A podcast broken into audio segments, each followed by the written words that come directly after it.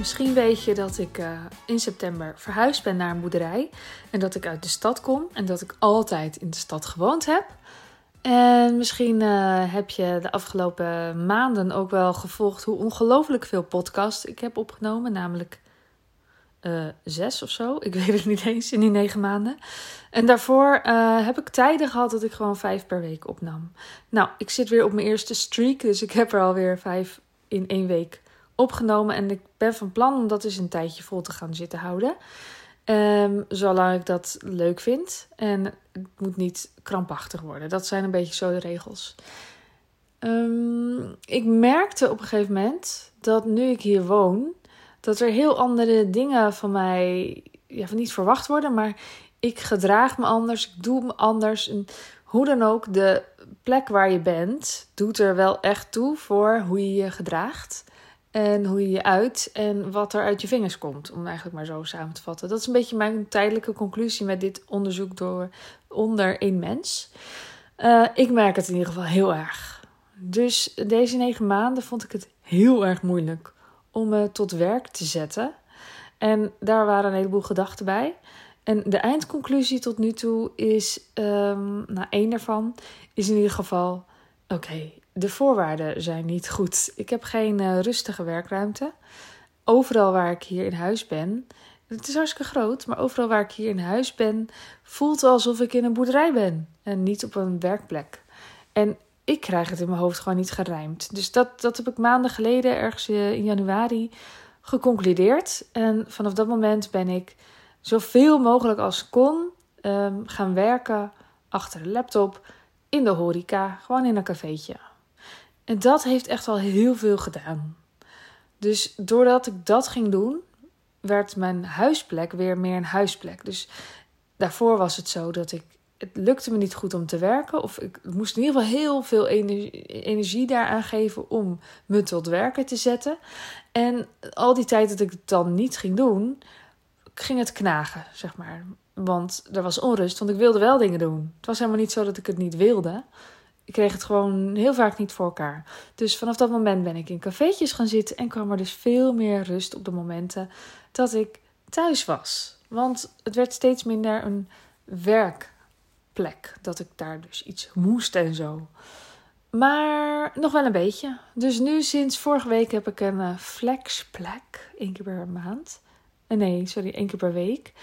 Um, ja, dat vind ik echt helemaal fijn een flexplek, zo'n bureau met een echte bureaustoel die dan een soort van ergonomisch is en zo. En dan, en dan is er ook een keuken met koffie. Niet dat ik dat echt drink, maar het is toch cool dat er koffie is. En er zijn ook nog ruimtes bij waar je even een, een telefoontje kan plegen. Want dat miste ik dus heel erg in de horeca. Um, dat je daar niet zomaar een Zoom-gesprek kan gaan zitten doen. Dus ik liep daar ook vooral heel erg op vast. Dus nu is er een werkplek. En um, ja, dat zijn eigenlijk maar twee voorbeelden van hoe ik voorwaarden schep voor kunnen werken. Dus ja, er was van alles. Dus er waren ook overtuigingen. Er was van alles wat speelde waardoor het me niet lukte om me tot werk te zetten. Er was ook gewoon even landen. Er waren allerlei dingen tegelijk. Maar de goede voorwaarden hebben, dat was wel ook een hele belangrijke. Waar ik uh, echt mee aan de slag was en nog steeds ben.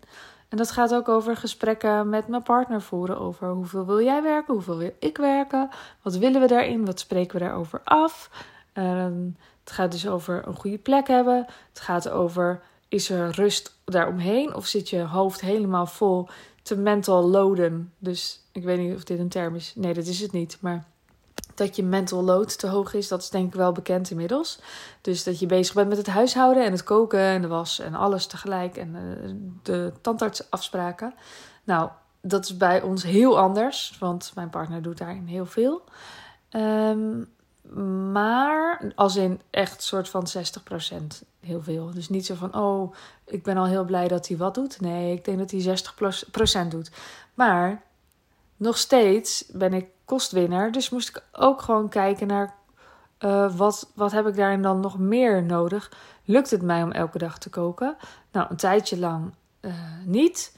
En nu merk ik dat ik dat juist weer meer wil doen als er dan maar een plan is. En als het maar duidelijk is. En als de boodschappen er zijn. En dus dat zijn ook allemaal vormen van de voorwaarden scheppen.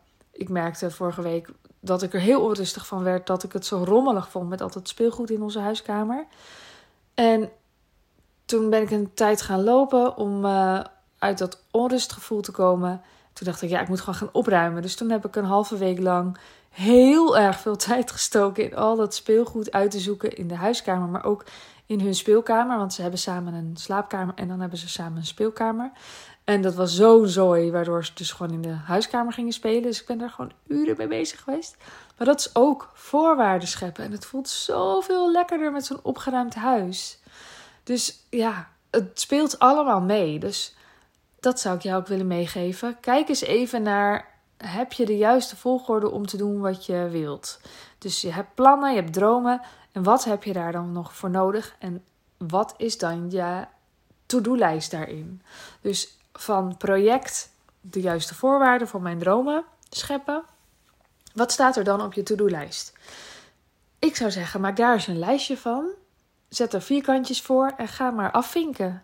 Kijk maar even, wat kan ik nu oppakken? Wat, wat heeft meer tijd nodig? Wat wil ik daarmee? Ehm, kan ik daar alvast iets in doen? Kan ik het opdelen in kleinere to-do's? Dat soort dingen. Ik hoop dat je er wat aan hebt. Het is in ieder geval een manier van uh, hoe ik kijk naar ondernemerschap. En dit is ook wat mijn klanten uh, van mij uh, krijgen. Dat ik meekijk naar van hé, hey, maar wacht even, is dit wel hoe jij het wil? Is dit wel wat werkt voor jou? Is dit wel goed voor jezelf zorgen? Is dit wel het lekkere leven? En um, ja, ik ga voor rust voor iedereen. En ik ga voor de impact maken die je wil. En ik ga voor, ja, het is toch gewoon geluk. Geluk, gelukkig zijn. Met je mensen, met, met je hobby's, met je vrienden, met je familie. Met je bedrijf, met misschien je team. En uh, mocht jij denken, oeh, daar wil ik wel meer mee. Ik, wil, ik, ik weet wel hoe ik hard moet werken, maar ik weet niet hoe ik het fijn kan maken voor mezelf. Ik weet niet wat ik daarin kan. Ik kijk dus zowel mee op hoe kun je je bedrijf anders inrichten, maar ook veel meer op persoonlijk gebied van hé, hey, maar wat wil je eigenlijk? En wat denk je dan eigenlijk? En oh, waarom zou dat dan zo moeten? En ja, daar help ik ook heel graag mee in het programma Het Lekkere Leven. En in november start ik een nieuwe jaargroep. En tot die tijd kun je drie maanden meedoen. Dus mocht je denken, oeh, ik zou toch wel echt heel graag het nieuwe schooljaar met meer rust willen beginnen. Ik wil het niet meer zoals het nu is. Ik wil echt structureel andere dingen in mijn bedrijf regelen.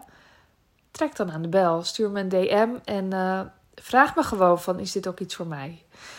En uh, ehm, 18 tot 20 oktober is er ook een retreat, het lekkere leven.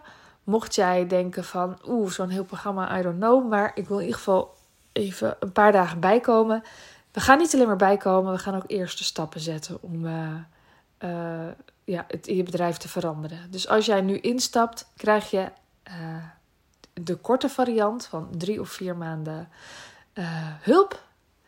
En daar help ik je dus in je bedrijf en persoonlijk. En dan krijg je ook het retreat, het lekkere leven in oktober. Plus een live dag, 14 september. Dus super fijn. Een paar maanden begeleiding met Slack daarbij. Dat is een speciale communicatietool waar, waarbinnen je dus uh, vragen kunt stellen, maar dat dan niet op social media, niet op WhatsApp. En uh, ik kijk ook echt gewoon met jou mee. Het is niet een, uh, een, een, een enorm zendings. weet je wel, dat ik heel erg aan het zenden ben en dat je het maar uit moet zien te zoeken. Nee, ik kijk specifiek met jou mee. Dus mocht je denken: dit is voor mij, stuur me dan een pb. En dan wens ik jou een hele fijne ochtend, middag, avond, nacht. En tot de volgende keer. Doei doei!